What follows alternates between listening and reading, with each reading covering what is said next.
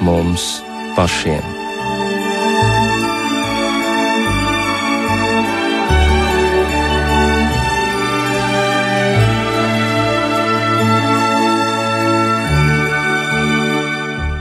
Esiet sveicināti radījumā pāri mums pašiem, lai ir slavēts Jēzus Kristus. Studijā Inte Zēgnere par skanējumu rūpējas Kristaps Eida, bet mūsu raidījuma viesis šajā vakarā būs teologs un misionārs no Beļģijas Jozefs Bastēns, kurš Baltijas valstīs ir labi pazīstams, īpaši Latvijā un Lietuvā, un aizvien no jauna tiek aicināts sniegt garīgus padomus visdažādākajās dzīves situācijās. Šajā vakarā mēs pieskarsimies jautājumam par to, kā ir iespējams saglabāt līdzsvaru starp pienākumu palīdzēt citiem cilvēkiem un spēju mīlēt pašam sevi. Jo Bībelē taču ir sacīts, mīli savu tuvāko kā sevi pašu, un tieši šie trīs pēdējie vārdi, kā izrādās, kristiešiem nav viegli atrisināms uzdevums, jo bieži vien ir vēlme savas vajadzības un rūpes par sevi atstāt novārtā, aizbildinoties, ka ir jārūpējas par citiem cilvēkiem un atsaucoties uz evaņģēlīja tekstu par sevis aizliekšanu. Savukārt Jozefs aicina vispirms ieklausīties sevī, un tad tikai ar Dieva palīdzību mēs varam apjaust, kas mēs patiesībā esam, pēc kā mēs augstam, kādas ir mūsu īstās vajadzības. Šīs atziņas Jozefam nav teorija, jo viņš vadās no personiskās pieredzes, kas ir gūta vairāk nekā septiņus gadus pavadot lūkšanā un klusumā, meklējot un arī atklājot Dieva balsi sevī. Un vēl pirms satiekamies ar Jozefu, daži fakti gribu tos atgādināt no paša Jozefa dzīves. Viņš ir dzimis 1948. gadā Beļģijas fermeru ģimenē. 14 gadu vecumā Jozefs bija spiests pamest skolu un sākt strādāt, tad 69. gadā aizbrauca uz Austrāliju un tur pabeidza vidusskolu, pēc tam atgriezās Beļģijā un 27 gadu vecumā iestājās Luvēnas Katoļu Universitātē. Tur astoņus gadus viņš studēja filozofiju un teoloģiju, vadīja Kristīgo studentu biedrību un pēc diploma saņemšanas vēl trīs gadus pasniedza skolā reliģijas vēsturi. Žozefs pārvalda flāmu, vācu, franču un angļu valodu, un nu jau var sacīt, ka daļēji tām ir piepildījusies arī lietuviešu un latviešu valoda. Un tie, kuri pazīst Žozefu, zina, ka viņā ir ļoti daudz dzīves prieka, bet zina noteikti arī viņa dzīves stāstu par septiņiem smagā depresijā pavadītiem gadiem, kuros ārsti izrādījās bezspēcīgi, bet Dievs visu varens. Pēc garīdznieka ieteikuma toreiz Jozefs trīs gadus uzturējās Francijā, Žana Vanjē kopienā Ticība un gaisma, kur viņš strādāja ar garīgi atpalikušiem cilvēkiem, un šo laiku viņš sauc par sirds skolu.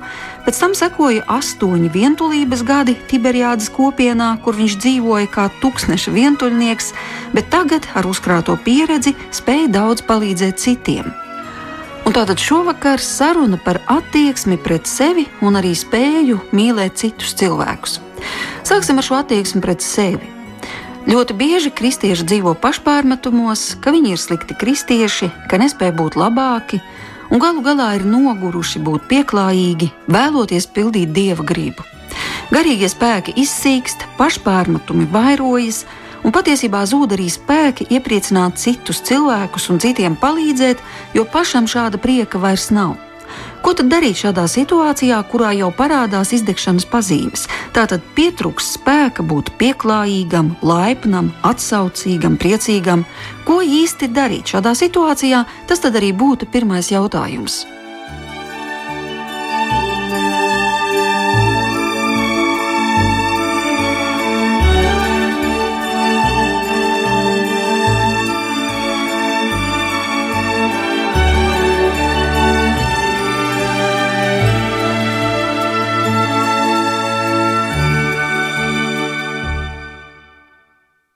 A Belgian book. It's called "Stop to Be Kind, Be Be True," and there it tells all the, the conditions of. Mm. Beļģijā ir izdota laba grāmata ar nosaukumu Beidz būt pieklājīgs, esi patiess. Un runa ir par to, ka katram cilvēkam ir sajūtas un vajadzības. Katram. Ja tu gribi palīdzēt otram cilvēkam viņa vajadzībās, tev vispirms ir jāsaprot savējās. Tu nevari izprast otru cilvēku, ja nesaproti sevi. So obliged, if you want to to others, Un ja tu vēlies būt tikai pieklājīgs kristietis un absolūti ignorēt savas jūtas un vajadzības, apspiest sevi, tad ir pilnīgi skaidrs, ka tu nevarēsi izprast arī otra cilvēka jūtas un viņa patiesās vajadzības. Tātad tas ir pat pienākums izprast savas vajadzības, lai tu spētu palīdzēt citiem. Tev ir jāieklausās savās vajadzībās, un, ja tajās ir negatīvas sajūtas, tev jāspēj tās saprast, jāsaprot, kāpēc tu jūties slikti, un tad ir jāpiepilda savas vajadzības, kas ir objektīvas. Es te nerunāju par egoistiskām iegribām, bet tiešām pirmkārt par katra cilvēka patiesajām vajadzībām. Piemēram, tādām kā kārtīgs miegs, barība, mīlestība. Mums ir daudz patiesu vajadzību, un mums ir tiesības tās piepildīt. Un iespējams, ka šajā aspektā ir veidojusies arī kāda neizpratne, ja runājam par kristīgo tradīciju, kurā ilgu laiku tika mācīts, ka mums jānorobežojas no savām vajadzībām, it kā mums nemaz nebūtu ne sajūtu, ne vajadzību, un tikai jākalpo. Tas ir maldīgi, jo, ja mēs neievērosim mūsu pašu vajadzības, agri vai vēlu mēs vairs nespēsim būt laipni arī pret citiem. Mēs nevaram dot citiem to, ko paši nesam saņēmuši, paši nesam sev devuši. Ja būsim nevērīgi, varētu sacīt, nelaipni pret sevi, tādējādi mēs kļūsim iztukšoti, izsīkuši, un kādu gan labvēlību mēs varēsim dot citiem.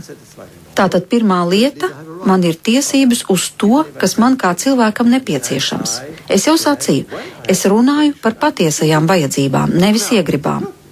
Un pat ja es visas šīs vajadzības nevarēšu piepildīt, tad tik un tā man ir jāzina, ka man kā cilvēkam uz to ir vismaz tiesības. Un tad, kad man būs iespēja, es tās piepildīšu. And with Jesus, he had it. He listened to his feelings, to his needs. He has a limits as a human being, cannot be everywhere, and he knows he needs to sleep, he needs to drink. He, like a doctor, doctor cannot work day and night. He has to sleep during the night eh, sometimes. Jēzus, viņš taču ieklausījās savās vajadzībās, kā cilvēks. Kā cilvēkam viņam bija viņa cilvēciskie ierobežojumi. Viņš nevarēja dziedināt dienām un naktīm. Arī viņam vajadzēja atpūsties. Neviens ārsts nevar strādāt pilnīgi bez atpūtas. Ir nepieciešams ieklausīties savās vajadzībās un novērtēt spēkus. Religion where it was forbidden somehow to listen to yourself. Es tiku uzaudzināts zināmās reliģiskās tradīcijās, tie bija pagājušā gadsimta 50. un 60. gadi, un toreiz valdīja uzskats, ka tas, kurš domā pirmkārt par sevi un savām vajadzībām, kurš ieklausās sevī, tas ir egoists. Mums pirmkārt jārūpējas par citiem cilvēkiem, sevi jāaizmirst, lai kāpotu citiem, un ilgu laiku es tā arī darīju. Es kļuvu par perfekcionistu. Perfekcionists ir tāds tips, kurš cenšas vienmēr izpatikt citiem, darīt visu perfekti, nevainojami, un tādējādi es būtībā aizliedzu pats sevi un savu patieso es. And with the time, after many years, if you are just pushing the real I always backwards, existence will vanish, you know. Bet, laikam ejot, ja jūs visu laiku atstumjat un ignorējat savas vajadzības, ignorējat pats sevi, jūsu eksistence kļūst apdraudēta, jo būtībā mans asketiskais dzīvesveids, kurš sastāvēja no pienākumiem un saistībām un upuriem, no nemitīgas sevis veltīšanās citu labā, visas šīs lietas, ko tu dari tikai pienākuma dēļ un ar piespiešanos, bet bez prieka un mīlestības, galu galā apēd tavu dzīves kvalitāti un tevi iztukšo. Tas apēd tavu enerģiju, vitalitāti un noved pie depresijas. Un tā arī ar mani notika. Es sākotnēji nevarēju saprast, no kurienes tāda depresija, kas ilga veselus septiņus gadus. Bet cēlonis bija, ka es vēl ilgākus gadus nebiju respektējis to reālo personību, kas ir manī pašā. You are always trying to do good job. Jā. And what is wrong? Bet jūs taču centāties darīt labus darbus, kas tad bija nepareizi.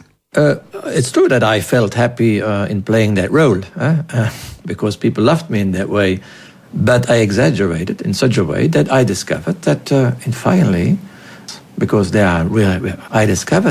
Tā ir patiesība, ka man patika veikt šos labos darbus, jo tādējādi es cilvēkiem patiku un viņi to izrādīja, un tas bija jauki. Bet pamatproblēma bija tā, ka es tādējādi pelnīju viņu mīlestību, jo pats sevi absolūti nemīlēju. Un pamazām es atklāju, ka nemīlu arī šos cilvēkus, kuriem palīdzu un daru labu, jo nemīlot sevi, izsīka arī tā saucamā mīlestība pret citiem. Un tad kādu dienu es atklāju, ka Jēzus, kad viņš kalpoja cilvēkiem, viņš to nedarīja pienākuma vai kādas uzspiestas pavēles dēļ. Viņš to darīja ar mīlestību, ar prieku, un tajā, ko viņš darīja, atbrīvodams un dziedinādams un kalpodams, nebija sevis iztukšošanas, tur bija dzīvības pārpilnība. Viņš bija laimīgs kalpojot. Tas bija viņa lielākais prieks sevi ziedot kalpošanā. There was no sacrifice, in fact. It was life. He gave himself. It was, it was his biggest joy to give himself. Yeah, but we can uh, take in one certain situation, mm-hmm. for example, with relations. Uh, mm. When you regularly, for example, jā, bet ko tad darīt, ja nav šāda prieka? Nedarīt šos labos darbus, ja nav prieka, vai tomēr turpināt darīt un gaidīt, kamēr prieks parādīsies? In fact, this voice who pushes you to do things is, is what I call the psychological conscience. The ideological conscience, or the over I, in psychology you would call it. It means this is this cassette in you, you, you received by your parents or by others. You know, this cassette you have to listen to and give guilt feelings. It's not the Būtībā šī iekšējā balss, kas it kā piespiež jums darīt labas lietas, kaut arī sakostiem zobiem, tā ir tā saucamā psiholoģiskā sirdsapziņa vai ideoloģiskā sirdsapziņa vai tā saucamā virskontrole. Un šī balss, kas jums diktē, tev jādara, tev jārīkojas, ja tu nedarīsi, tu būsi slikts Patiesībā šī nav dieva balss. Tā ir audzināšanas un noteikti priekšstatu balss. Tā ir tā kā kasete mūsos, kas ir ierakstīta mūsu audzināšanas procesā un ar kuru var manipulēt pēc vajadzības, bet tas nav no dieva. Šīs kasetes ieraksts mums visu laiku liek justies vainīgiem, liek justies nepietiekoši labiem kristiešiem. Vai tiešām jūs domājat, ka Dievs grib, lai mēs tā katru dienu justos? Katrā no mums mājo šīs divas balsis, to es atklāju dzīvodams astoņus gadus klusumā kā vientuļnieks. Pirmā iekšējā balss, kas iznirst šajā klusumā, ir šī apsūdošā balss, kas saka, tev jādara tas un tas, tu nerīkojies tā un šitā, un nemitīgi tev liek justies vainīgam. Šī balss apgalvo, ka tev kaut kas ir jādara, lai tu būtu dieva mīlestības cienīgs. Tie ir meli. Dieva mīlestība ir pārāk liela, lai tu to varētu izpelnīties. Viņš tevi mīl bez jebkādiem nosacījumiem. Tāpat arī prasība. Tev jākalpo, tev jāpalīdz, tas ir aicinājums, tas nav spiediens, un tā ir liela atšķirība. Un patiesībā, ja es zinātu, ka man kāds palīdz tikai šādā piespiedu kārtā, lai nejustu vainas apziņu, es viņam sacītu, labāk dari kaut ko citu, kas tev sniedz vairāk prieka, jo citādi laikam ejot, tu pastrādāsi vairāk slikta nekā laba, gan priekš sevis, gan priekš priekš citiem. Darot lietas tikai ar piespiešanos, tu iztukšosi visas savas rezerves un vienkārši iestāsies sabrukums. Kāpēc?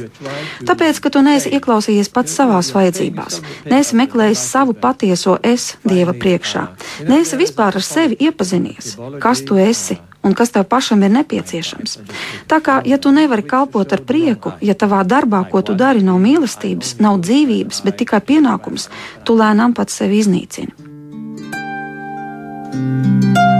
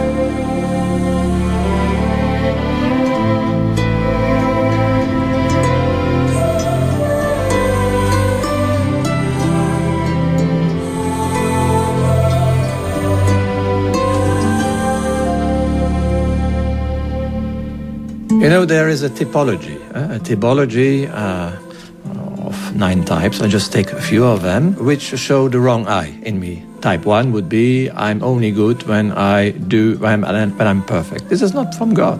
Second type will say I'm only good when I help others. He is obliged to help, can never say no. And if he, if people do not say thank you, then uh, he gets angry.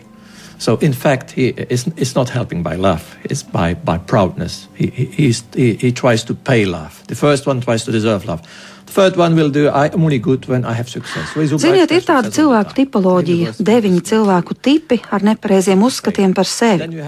Pirmais tips uzskata, es esmu labs vienīgi tad, ja es esmu perfekts. Tā ir nepatiesība, tas nav no dieva. Otrais tips uzskata, ka ir labs vienīgi tad, ja palīdz citiem. Viņš gandrīz nekad nespēja neko atteikt otram, bet tai pašā laikā gaida, lai citi viņa labos darbus novērtētu, un ja tā nav, tad viņš ir sarūktināts un pat dusmīgs. Būtībā Būtībā viņš jau nepalīdz citiem mīlestības dēļ. Trešais uzskata, ka viņu mīlēs tad, ja viņš visu laiku gūs panākumus, būs veiksminieks, un ka šī veiksme izzūd, viņš ir šokā. Sestais tips, piemēram, un labi pazīstams baznīcā, un uzskata, es esmu labs tikai tad, ja pildu savu pienākumu. Bet patiesībā tu spēj atbildēt dievam, dzīvei, pats sev tikai tad, ja tu esi iekšēji brīvs. Dievs nevēlas strādāt ar robotiem, kas saka automātiski jā, jā, jā, tāpēc, ka tā vajag. Šāda paklausība tā nav no dieva. Patiesā paklausība nāk no sirds. Katru reizi, kad Jēzus satika kādu personu, viņš atklāja tā patieso būtību. Kā atceraties, pēc sagrākošanas Ādams un Ieva piesadzās ar vīģes lapām, un šīs vīģes lapas tās ir mūsu nepareizās domas, tas ir mūsu nepareizais priekšstats par sevi. Vīģes lapa tas ir tēls, ko es esmu radījis, lai citiem patiktu. Kad Jēzus atdzīvināja Lācaru no mirušajiem, viņš sauca Lācaru nāc ārā, un tad viņš sacīja: atraisiet viņu no šiem miroņu autiem, lai viņš var staigāt. Šīs miroņa drēbes tie ir mūsu nepareizie priekšstati pašiem par sevi, kas mums neļauj izjust dzīvi tās visā krāsainībā un visā pilnībā. Katru reizi, kad Jēzus sastapa cilvēkus, viņš atklāja viņos to patieso būtību. Kā atceraties, viņš sacīja Sīmanim, tu būsi nevis Sīmanis, bet Pēters, Klints. Viņš labi zināja, kas ir šajā zvejniekā Sīmanī, kas ir viņa patiesā, īstā būtība. Un, ja mēs runājam par sevis mīlēšanu un sevis pazīšanu, tad mums ir jāatzīst, ka viena no būtiskākajām lietām tās ir attiecības, attiecību kvalitāte. Un kā mums var būt patiesas, labas attiecības ar citiem cilvēkiem, ja mums nav labu attiecību pašiem ar sevi, ja mēs sevi uzskatām par mazvērtīgiem un nevajadzīgiem cilvēkiem? You know, the deepest thing is the quality of relationship. How can I have a good quality of relationship with other people if I do not have a good relationship quality of relationship with myself. Okay, when we are uh, listening you and uh, I know you many years, I see that you are really are happy and what are you saying that is true. But in the same time, it was not always so with your life. Kad mēs jau šobrīd klausāmies un es pazīstu jūs daudzus gadus, es zinu, ka jūs patiešām esat vienmēr prieka pilns un tā nav kaut kāda izlikšanās bet tā ir patiesība, un tomēr bija periods jūsu dzīvē, kas bija citādāks. Piemēram, kad jūs dzīvojāt Austrālijā un centāties būt perfekts dieva karavīrs, askets.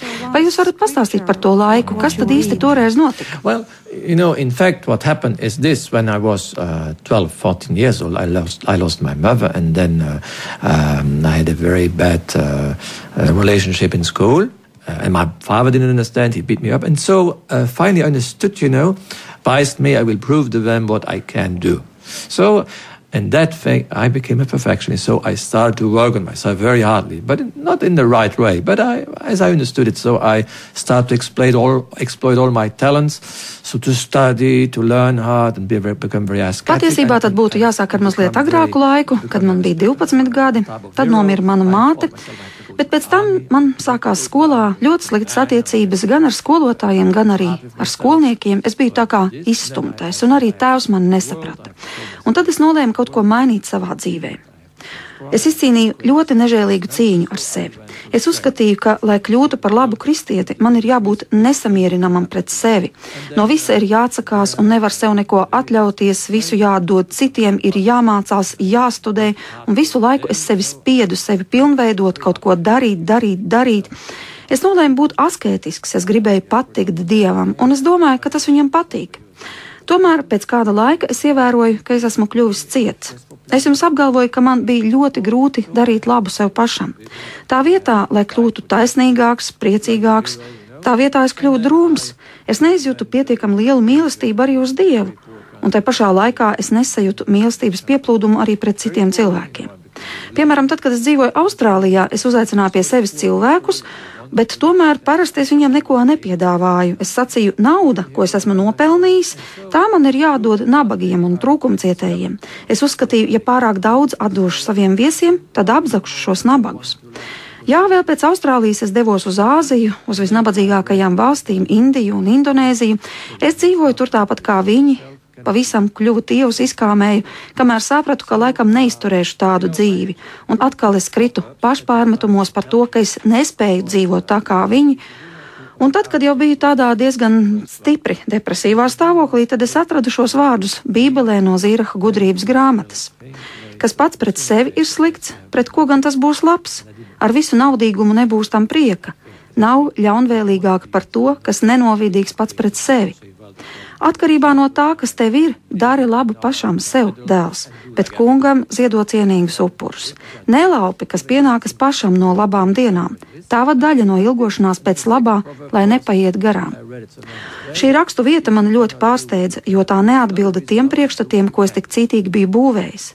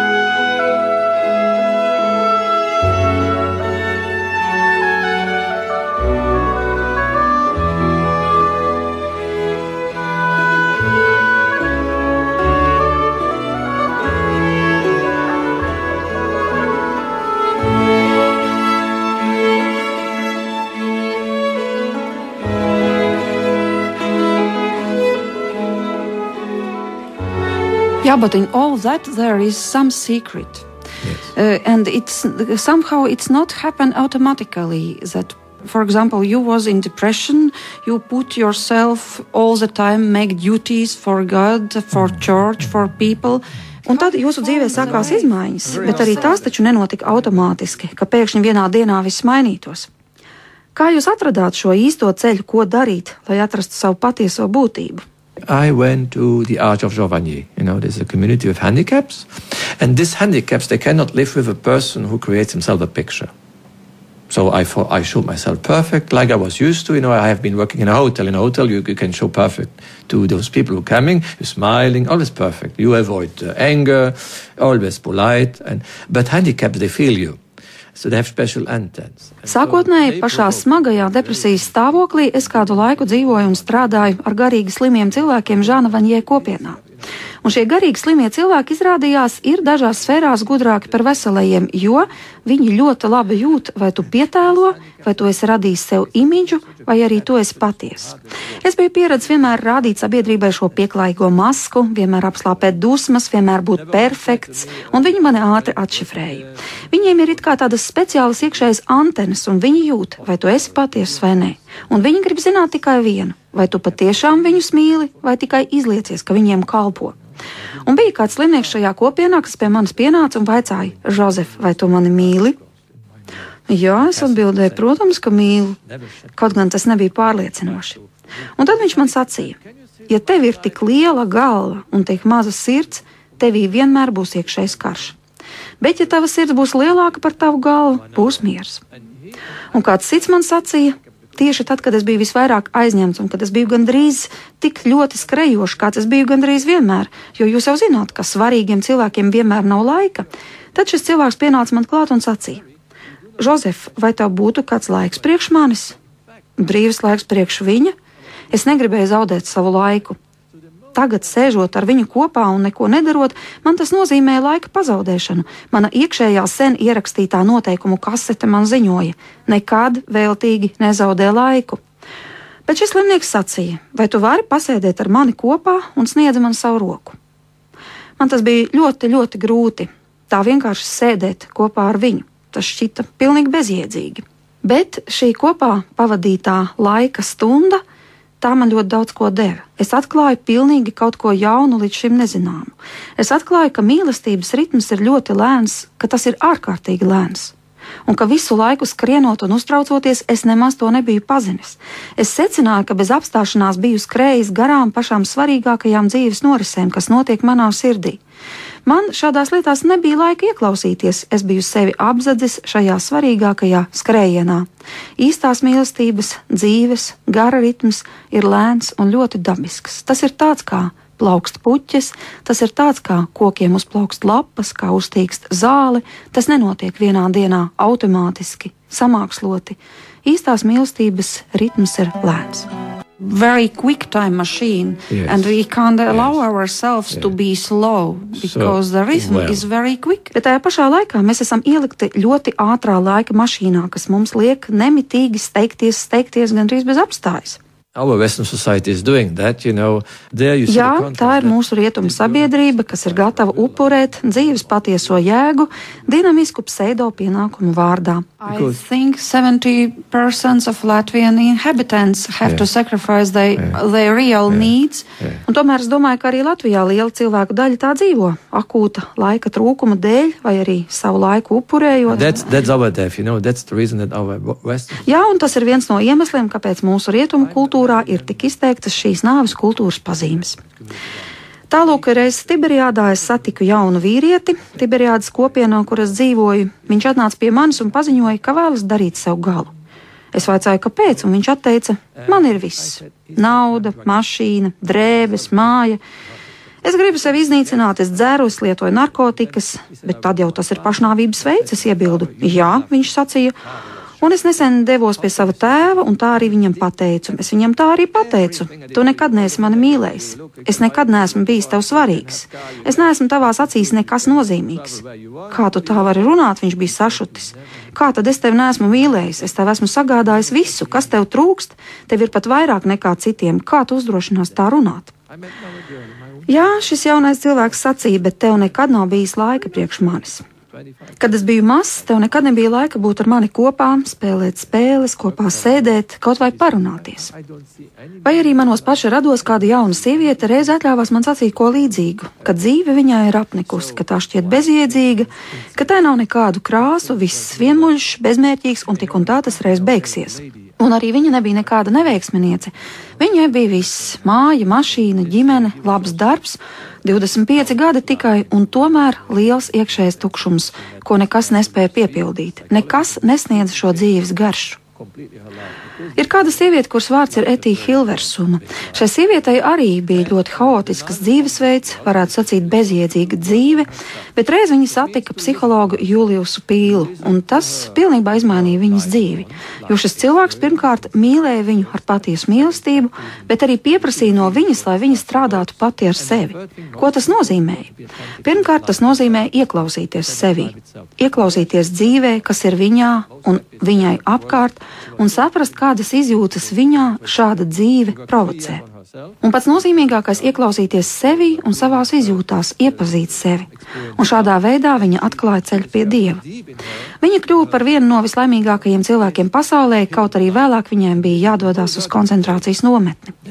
Trīs gadus Etija Hilversuma strādāja ar sevi, savas izjūtas viņa pierakstīja dienas grāmatā, jo tas bija svarīgi viņai formulēt vārdos to, ko tu sevī atklāji, un tādējādi iepazīt sevi. Viņa atrada šo ikvienā cilvēkā apslēpto aku, ja tā var sacīt, kur mājo īstā dzīvība. Dažkārt šī mūsu dzīvības saka ir pilnīgi aizbērta ar gružiem, ar pārdzīvojumiem, ar sarūktinājumiem. Gadās, ka cilvēks nomirst aiz slāpēm, sēdēdams pats pie savas aizbērtās akas, kurā mīt šī iekšējā dzīvība, kurā mājo pats Dievs. Un tas ir tik ļoti būtiski mūsdienu cilvēkam atklāt šo apslēpto aku un atrast, ka ir iespējama nevis maza, rūpju nomākta, bet gan liela un skaista un prieka pilna dzīve. Yeah, but we have no time for big life because well, the time is very divided on all these duties. Jā, bet mums nav laika šai lielajai dzīvē, jo mums ir pārāk daudz pienākumu. Bet tajā pašā laikā psihoterapeiti atzīst, ka tieši depresija ir visizplatītākā slimība Rietumē Eiropā, no kuras cilvēki mirst vēl daudz vairāk nekā no sirds asinsvadu slimībām. Pressure creates depression. Depression is a, is a healthy reaction, in fact, is the, is, is the direction of the body, of, the, of our psychology. The, the body... Jā, tāpēc, ka spiediens rada pretspiedienu, to mēs arī redzam šajos vārdos - pression and depression, tā ir organisma reakcija pret vardarbīgu un paviršu izturēšanos. Kas ir mūsu dzīves svarīgākie avoti? Tas ir gars, dzīvība un mīlestība. Mēs esam miesīgas būtnes, psiholoģiskas būtnes, bet arī garīgas būtnes, un dziļākais ir šī garīgā dimensija. How you began to find the life, mm. this spirit and this love, what was lost during your mm. time, during your, yeah. these 20 years, yeah. what you lived, yeah. how you found this way back, what you mm. did. Kā jūs sākāt pats atzīt patieso dzīvi? Kā jūs atradāt šo ceļu atpakaļ pie Dieva, pie sevis paša? Well, first I, I was with these handicaps. They, they, they helped me to accept my ha own handicaps, you know, because I was a perfectionist. Pirmkārt, so kā jūs sacījāt, bija kopā ar šiem garīgi slimajiem cilvēkiem, kas palīdzēja man pašam sevi pieņemt tādu, kāds es esmu, nevis veidot maskas. Tātad pirmās padomas būtu pieņemt sevi tādu, kāds tu esi? Noteikti. Mums ir jāredz mūsu ēnas, mēs nedrīkstam tās noliegt, apslēpt, censties atbrīvoties no tām, pirms esam tās pieņēmuši un akceptējuši, ka tāda nu mēs reiz esam. Bet sabiedrība ir citādāk veidota. Mēs rādām sabiedrībai mūsu saulēnās puses un nevaram ciest sevī to, kas mums pašiem nepatīk. Kā lai tad to akceptē?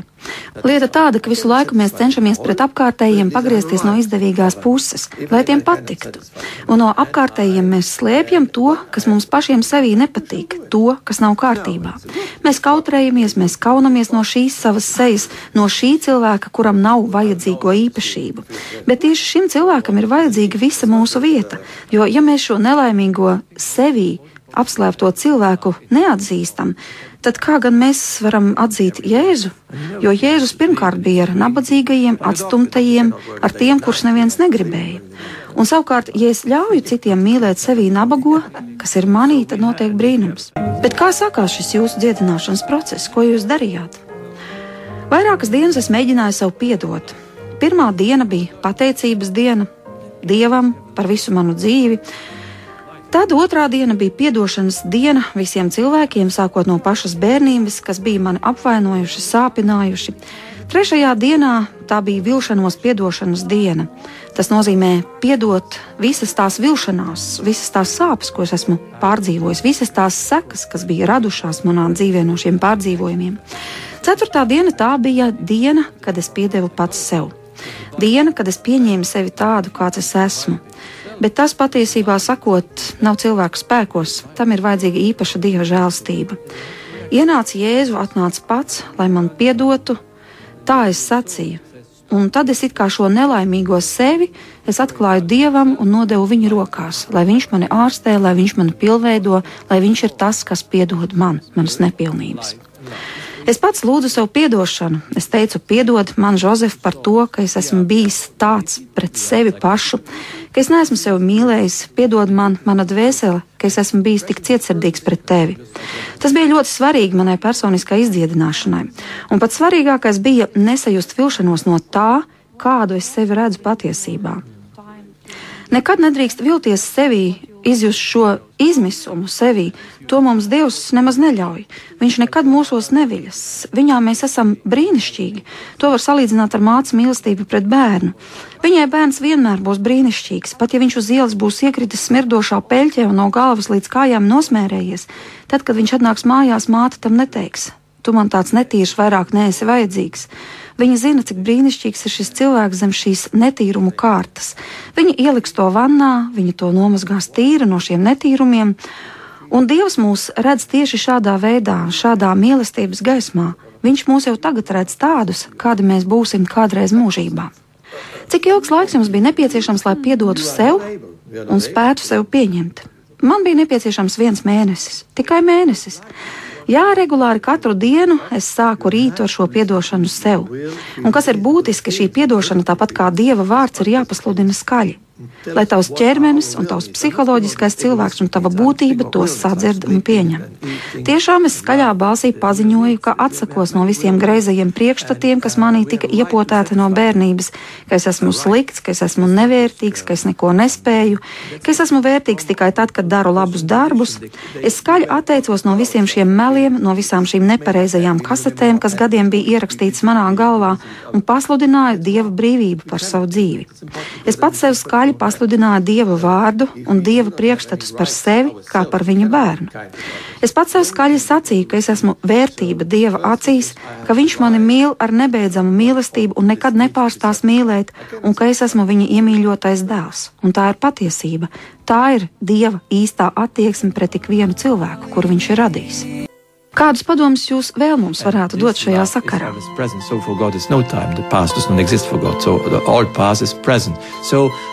Es sacītu, ka ātrākais veids, kā nokļūt pie savas aizbērtās dzīvības sakas, kur dziļāk par mūsu emocijām ir mūsu vajadzības, un dziļāk par mūsu vajadzībām ir pati dzīve, un dziļāk vēl par šo dzīvi mājo pats Dievs, kurš ir apslēpts mūsos. Viņa balss ir klusa, tā ir knapi sadzirdama, bet tā ir mīlestības, nevis apsūdzības balss. Un tā tad kā līdz tai nonākt? Ja jūs sauksiet pēc dieva, viņš atsauksies un atklās jums jūsu patiesās vajadzības un patieso būtību. Tikai Dievs zina, kas mēs patiesībā esam. Mēs sevi tik labi nepazīstam. Ja jūs paliksiet ilgstoši visvētākā sakramenta priekšā, paša Dieva priekšā un darīsiet to katru dienu, jūs atklāsiet savu patieso es. Atrodiet nu vismaz desmit minūtes dienā, lai pavadītu tās klusumā, bet katru dienu. Un atļaujiet visām jūsu izjūtām atklāties. Neapslāpējiet ne skumjas, ne grūtsirdību, ne sāpes, ne atmiņas no pagātnes, kas var parādīties. Ļaujiet tam visam uzpeldēt. Iespējams, ka tas būs sāpīgi, bet Dieva klātbūtnē tas būs arī dziedinoši. Un tad jūs atklāsiet, ka aiz šīm sāpēm, aiz šiem netīrumiem, gružiem, aiz akmeņiem un ērkšķiem, kas ir sakrituši jūsu dzīves sakā, tālāk aiz tā visa ir atrodams dzīvais ūdens, paša dieva klātbūtne, kas nes dzīvi tās pārpilnībā un veltiet kaut desmit minūtes katru dienu svēto rakstu lasīšanai. Un jūs piedzīvosiet, ka vārds, kas ir rakstīts Bībelē, ir dzīvs, ka tas attiecas tieši uz jums personīgi, ka caur šo vārdu Dievs runā konkrēti ar jums un ka caur savu vārdu viņš dāvā jums dziedināšanu, atbrīvo no vecām dzīves lauskām un sniedz jums dzīvi, kas ir piepildīta ar prieku un mīlestību, ar mīlestības pilnām attiecībām. Turpiniet tīrīt šo savas iekšējās dzīves garīgo aku, un jūs atradīsiet šo dzīvo ūdeni, kas mājo ikvienā no mums. Studijā bija Inte Zēgnere, bet par skanējumu rūpējās Kristaps Eida.